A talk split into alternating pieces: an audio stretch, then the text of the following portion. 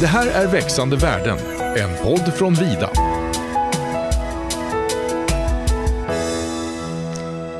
Hej och välkomna till podden Växande värden. Och den gör ju vi på Vida för att du som skogsägare ska kunna öka värdet av din skog. Och idag så är temat leveransvirke och för att samtala om det har jag med mig mina två kollegor eh, Johan Pevny och Peter Rosén. Välkomna! Tack så mycket! Tack så mycket! Och ni har ju båda varit med i tidigare avsnitt. Peter, jag kommer ihåg att vi pratade julgranar bland annat. ja, det var lite ett, lite ett, ett eh, sidospår. Alternativt skogsbruk eh, talar vi om den gången. Exakt, men julgranarna gjorde intryck på mig. Ja, okej, okay, vad kul. ja, det är snart dags igen. Precis. Men ni kanske kan börja med att presentera er själva. Johan Pevny heter jag. Jobbar som inköpare uppe i Tranemo och varit på Vida sedan 2011. Och har haft Peter här som min mentor ända sedan jag gick i skolan. Så det är ju extra kul att få göra detta med honom. Peter eh, Rosén heter jag då och är också virkesinköpare uppe i Borgstena, lite norr om eh, Borås. Har jobbat på Vida i 15 år, inköpare där då. Och nu då ska vi prata leveransvirke. Mm. Och eh, nu sänder vi ju det här på hösten. Är det, är det tid för leveransvirke eller vad? Det börjar väl eh, dra igång lite grann i alla fall med leveransvirke och, och skogsägare som hör av sig nu. Det är väl, eh, brukar väl vara ett sånt här statement lite efter älgjakten tycker jag. Brukar folk börja tänka på, på eh, sitt sko, skogsbrukande under vintern då. Så eh, det, det börjar starta nu kan man väl säga då. I alla fall för de självverksamma. Och vad är det som betraktas som leveransvirke? Eh, nej men det är ju när inte vi då Vida till exempel då avverkar och transporterar ut virke utan när man till exempel då avverkar själv i egen regi och eh, säljer virket vid bilväg kan man väl säga då. Det kan ju vara både med motorsåg manuellt eller om man tar in någon, ja, någon annan extern maskin eller så och avverkar skogen. Och eh, av nyfikenhet, hur mycket av det som Vida köper årligen är leveransvirke? Man brukar säga ungefär 6-7 av eh, den totala volymen är leveransvirke som, som kommer in då. Sen kan det, eh, det kan vara lite olika från år till år helt enkelt då, beroende på stormar och andra ytterligheter. Men runt 6-7 brukar vara leveransvirke. Och man kan väl säga också att historiskt sett så har den siffran varit lite högre, för då ja, förr i tiden så högg eh, kanske folk lite mer själva eh, på vinterhalvåret. De var jordbrukare och, och kanske bedrev ett, ett, ett, jordbruk och sen så hade de skogsbruket på vintern och, och försörjde sig på det sättet då. Så då kanske det var vanligare med mer leveransvirke då. Okej, men köper vi detta virke vilken period som helst eller är det begränsat till en viss tidpunkt? Nej, men vi köper ju det året om, det gör vi. Sen blir merparten, blir ju som Peter sa innan, att nu under vi, hösten, vintern, Mm. Och, och, fram på, på tidig, tidig vårkant där. Och varför är det så? Är det förknippat då med jordbruk? Ja, men det är väl mycket förknipp, förknippat med, med ja, man är i skogen på vintern och hugger när det är lite kanske bättre förutsättningar att köra förhoppningsvis frusen mark och, och de här bitarna. Och sen när man jordbrukare som Peter sa innan med, då kan det vara att då, då har man haft skörden och lagt det bakom sig och då ger man sig ut i skogen istället. Så har det nog varit historiskt i alla fall. Ja men det är klart, eh, har man varit, hållit på med jordbruk så har det varit vårbruk då. Man ska liksom eh, så och så vidare, sköta den biten först och sen är det kanske då grässkörd och hela den biten då på sommaren försvinner till det. Så det är först kanske till hösten, vinter man har tid med, med att hålla på i skogen. Och sen är det ju faktiskt en annan orsak också att virket tar ju inte så stor eh, skada heller på, på vinterhalvåret som det gör då på, på det varma sommarhalvåret då. Det kan bli blånad och man kan få insektsangrepp och så vidare. Vi kommer väl säkert in lite kanske mer på det sen, men, men det är väl en stor anledning då att man som självverksam eh, kan mer eh, tillämpa eh, sitt skogsbruk eh, på vinterhalvåret då för att virket inte tar någon skada heller. För annars tänker ju vi att eh, man kan avverka året runt väl? Absolut, och det är ju att vi vill ha in eh, så färskt virke som möjligt till, till våra sågverk och till våra industrier.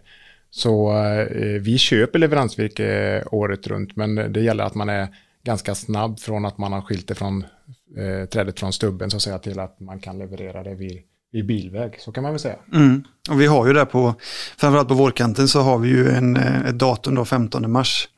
Som då ska ju det vinteravverkade virket vara anmält då.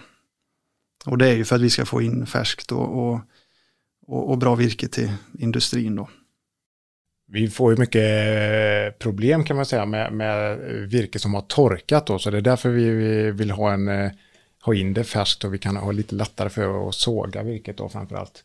Och eh, inte få massa torrsprickor och så vidare i bräderna sen som eh, vi ska sälja då.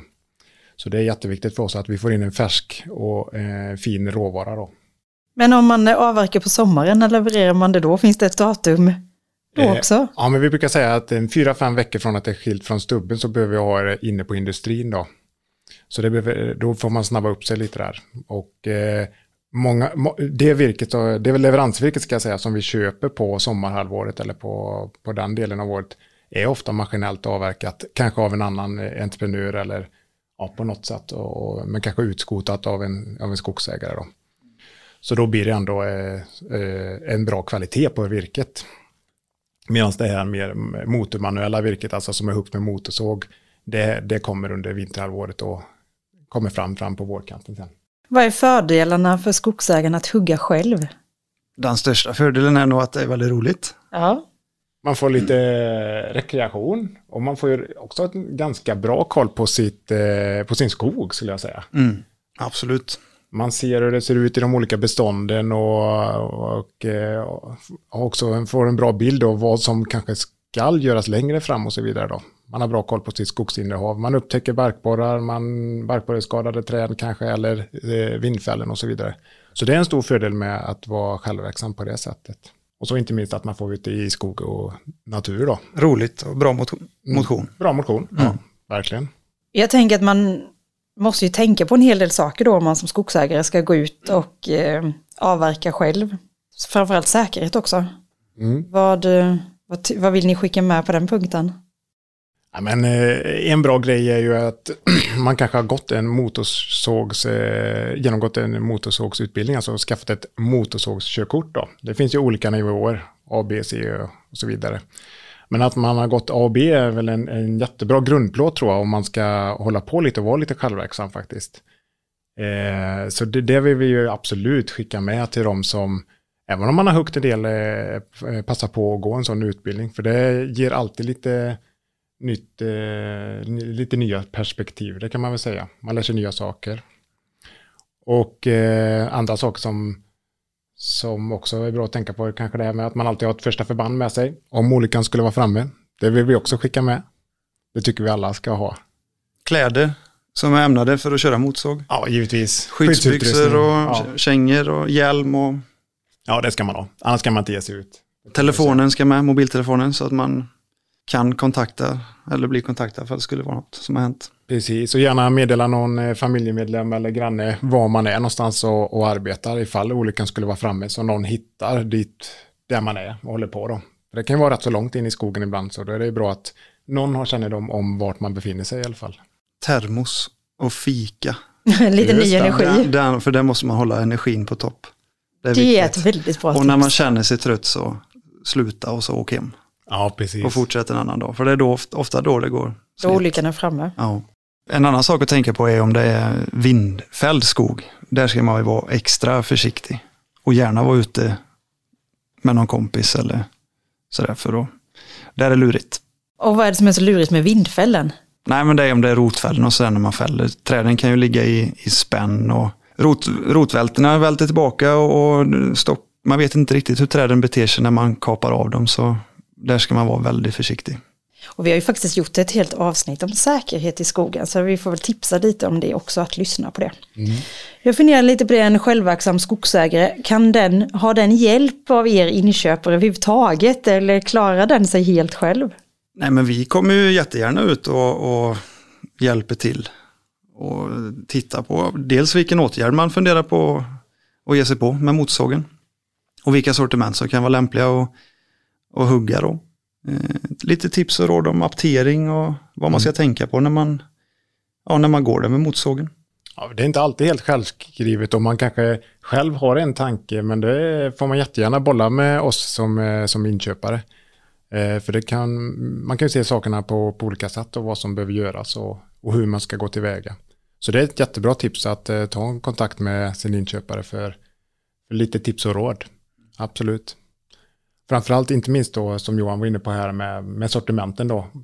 Det är ganska givet många gånger när man har gran och tall kanske men ibland kan man ju ha andra träslag som som till exempel ek och asp och så vidare. Då, då kan det vara bra att få lite, lite tips där och lite råd. Lite, ja, Mm. så man apterar rätt och så vidare. Mm. Och det där med aptering, vad ska, vad ska skogsägaren tänka på då? För det är ju någonting som vi är vi- noga med. Absolut. Eh, nej men apteringen är ju egentligen helt avgörande för eh, hur eh, ditt virke prissätts då. Vi är ju väldigt noga med att få rätt längder in till våra sågverk. Så det ska man definitivt göra innan man startar sågen, att slå en signal till inköparen och stämma av vilka, vilka längder det gäller på, på timret eller på, på det sortimentet som man avser att hugga då. För det kan avgöra väldigt mycket. Mm. Och sen, vi kan ju nästan se Johan på, på mätkvittot eh, eller på mätsidan nu, vilken typ av eh, traktorkärra markägaren har haft. Eh, Vi ser ju ibland att det blir, har ju en tendens till att bli lite kortare virken när det är utkört med till exempel en fyrhjuling eller, eller en mindre maskin. Medans, medans det drar iväg och blir lite längre då när, när man har en skotare till exempel. Då. Så det är bra, ja absolut. Apteringen är jätteviktig. För vi bedömer ju också, eller mätaren bedömer ju eh, satte ju priset lite då när, när virket mäts in. Så att man träffar rätt eh, moduler och rätt längder på rätt dimensioner är jätteviktigt där då. Vi har ju våra leveransvirkeslistor på om man tänker sig gran eller talltimmer är ju väldigt tydliga. Mm. Det står ju klart och tydligt vilka längder som sågverket vill ha. Så det är ganska enkelt. Och, och Och de hittar man på hemsidan då gissar jag. då får man kontakta oss. Eller Inköpare. en inköpare. Ja, så, så skickar vi ut en lista. Ja, för det är lite olika listor på olika sågverk, så det beror ju lite på vart någonstans man är. Så därför är inte alla listor, alla, tim, alla grantimmerlistor är inte exakt likadana så att säga, utan det beror lite på vilken marknad det här eh, virket ska ut på, så finns det lite olika längder och så vidare. Så därför är det viktigt att man tar en kontakt då. Men nu tänker jag att det som en, en em, skogsägare ska tänka på det är ju dels säkerhet och aptering. Mm. Men är det något annat man ska tänka på om man är självverksam? Ja, men det här med att man lägger upp virket på ett lämpligt ställe är också en sån här eh, aspekt som är eh, bra att tänka igenom innan man sätter igång. Att man har ett avlägg eh, där man dels för egen del kan stå och lasta av eh, ganska ostört. Det kan gärna vara vid en, en, eh, en byaväg, en mindre grusväg eller en vändplats eller en vändplan in i skogen. Eh, och att man också då eh, gärna kommer åt det med eh, lastbil med släp. För man får ett avdrag idag på 25 kronor per kubikmeter om man bara kan gå in och hämta med enbart lastbil. Då. Men eh, kan man få med sig släpet så är det en jättefördel. och det är ju samma sak sen för lastbilen då, att den också kan få stå eh, och lasta i lugn och ro. Så att det är bra om man kan komma av de här större vägarna och kan komma lite vid sidan. Nej, och sen inte vara rädd, var inte rädd för att fråga eller ring, och, ring till oss som jobbar på Vida och om det är något man funderar över, om det är aptering eller hur man ska gallra eller vad det än kan vara. Mm. Men när det gäller avlägg, är det något mer man ska tänka på kring det? Eh, nej, men som Peter sa, det är ju bra om man kan lägga virket vid en väg som går att, att komma åt med bil och släp. Då. Eh, sen är det viktigt med att virket läggs upp eh, ja, snyggt, Mm. fina välter. Att man eh, tänker på sorteringen så att man ser till att, att liksom granen hamnar för sig och, och tallen för sig och, och de bitarna. Och eh, att man eh, kanske, om det då till exempel är vinter, ute, att man har lite koll på så att det är plogat eller eh, om det behöver sandas och så vidare. Det är jättetacksamt för lastbilschaufförerna då, om det är fixat. Och att man givetvis märker upp välterna väl med vältlappar. Precis, eller vältbrickor som man säger i Småland. Ja, man? Ja, Det visste jag inte ens. Nej, men det är viktigt. Det behöver vara ungefär en eh, vältlapp per stuv, säger vi, ungefär per tio, tionde kubikmeter. Då. Så eh, idag fotomäts mycket av virket, eller om man fotomäter det på lastbilarna. Och då är det viktigt att det sitter en vältlapp per, per stuv, så att man kan se det tydligt på, på, eh, på kameran. Då. Och eh, skulle de bli blåsa av eller om de blir bortryckta, det är sånt som händer, så eh, tveka inte heller att kontakta oss igen då så vi kan skicka ut nya vältlappar. Så För det blir- är er man får dem från Ja, början av. Precis. Precis. precis. Men när man hugger själv så blir det ju väldigt många olika sortiment. Mm. Kan de sälja allt till oss eller måste man ha fler kontakter som skogsägare? ta bara en kontakt med oss så ombesörjer vi det här. Det är inte säkert att vi sågar till exempel eken själva, det gör vi inte då. Men då har vi eh, avsättning för det till, eh, till andra sågverk som håller på med just ek då, som är specialiserade till det. Men eh, vi hjälper till med den kontakten eller förmedlingen och köper in det virket. Så redovisning och pengar och alltihopa kommer ifrån från Vida sen då. Så det fixar vi. Så alla, alla sortiment tar vi hand om då, om jag förstår det rätt? Ja, absolut. Det man ska tänka på då är ju eh, volymsmässigt då. Det ska ju vara minst 10 kubik per sortiment som, ska, som man ska leverera in då. Och annars är det ju så att det är ett avdrag då för liten leverans på 600 kronor. Så att man bör ju komma upp i, i, i 10 kubik per sortiment. Och 10 kubik ungefär, hur mycket blir, är det då? Ja, men vi brukar säga, när vi pratar om eh, stockar, brukar jag säga till, till de skogsägarna som ringer att de frågar, är det, har jag 10 kubik här? Men då brukar jag säga att räkna ungefär hur många stockar det är och det behöver vara ungefär 50 stockar. Ungefär. Är det väldigt grovt så kan det vara lite mindre och är det väldigt klent så kanske det behöver vara några ytterligare då. Men ungefär 50 stockar kan man tänka för att få ihop 10 kubikmeter. Så det är en bra, det är en bra måttstock. och, eh, och massaveden och kubben där, så det, det kan man ju ganska lätt stega upp själv om man vill ha ett lite grovt uppskattning om hur mycket volym det är. Och det är ju liksom längden på vältan gånger bredden på vältan gånger höjden. Och sen kan man dela det på två ungefär. Ja. Då får man fram fubben. Och man kan bara mäta eh, snabbt med till exempel sitt måttband, eh, längden och höjden lite sådär. Och så ringa till oss så hjälper vi er med, med ungefär hur många kubikmeter det är. Vi är vana vid den frågan kan Ni vi är säga. vana, det var okej. precis. Ja. Men finns det någon övre gräns eller får man, kan man leverera hur mycket som helst? ja, det har vi faktiskt aldrig varit ut för att det har varit någon eh, begränsning uppåt så att säga. Nej. Det är väl om, i så fall om, om ska man, planerar man att hugga riktigt mycket med någon egen maskin eller så, här, så då ska man ju absolut eh, ta kontakt med oss först. Och, Ja, så vi har möjlighet att ta emot liksom, i den mängden. Då. ja. Ja, men det är ju ett bra tips då om det ska in snabbt. Ja, absolut. Så att det inte blir liggande där. Mm. Har det hänt? Blir det liggande ofta? Det var väl mycket kanske i de här stormarna, Gudrun och Per, då hade vi ju virke liggandes. Men då, det låg ju virke överallt så att säga i de där eh, situationerna då. Men annars så brukar vi omsätta virket på kanske mellan ja, två till fyra veckor ungefär. Då. Nej, men det är ju viktigt för oss och det är klart att vi prioriterar det gissar jag. Ja, och det är klart att vi prioriterar framförallt eh, timret i de här, när, när det börjar bli lite varmt på vårkanten där, vi vill ju inte ha de här torrsprickorna och så vidare i timret då. Och sen finns det ju även lite lagstiftning kring det, eh, kan man ju också nämna. Att det virket som är avverkat då innan första juni ska ju vara inne vid industrin innan den första juli. Mhm. Det kallas för skogsskydd. Eh, och det är väldigt viktigt att man följer det. Det är framförallt för insektsskador och barkborrar. Och hur har det funkat då när det var mycket granbarkborre? Lyckades vi ta hand om Ja. virket då? Det har vi gjort i, i den största möjliga mån eh, så vitt vi vet. Men, men eh, eh, det är klart att det är en väldig utmaning för transport eh, kan man ju säga då. Eh, när det kommer otroligt mycket leveransvirkesströmmar på vårkanten och ta hand om allt det här. Dels är det ju väldigt mycket, många partier på många olika platser. Det, kan man, det kan ju bli fyra, fem markägare för att få lass. Så det, det, det får man ju ha lite förståelse för att det tar väldigt mycket tid för lastbilarna att att få lass innan de kommer från skogen ut in till industrin. Precis, det gör ju också att vi tappar lite transportkapacitet på det sättet att man måste åka och hämta på många ställen innan man fyller upp då. Så, så det är ett litet gissel för oss på vårkanten där, men vi brukar också eh, så att säga, sänka lite avverkningstakten på våra ordinarie maskiner under den perioden för att då möta leveransvirkesflödet som kommer. Och då är det bra att det är anmält Då är det jättebra. så att man kan se pusslet. Ja, det är minst lika viktigt om du ska hugga 15 kubik så, Mm. så att vi vet om det och in- och ta kontakt med oss. Men då tänker jag lite på det här kring försäkringar och så ansvar. Och eh, om vi har köpt virket och vi ska hämta det, men sen så händer det kanske en storm eller en brand eller något liknande. Vad gäller då?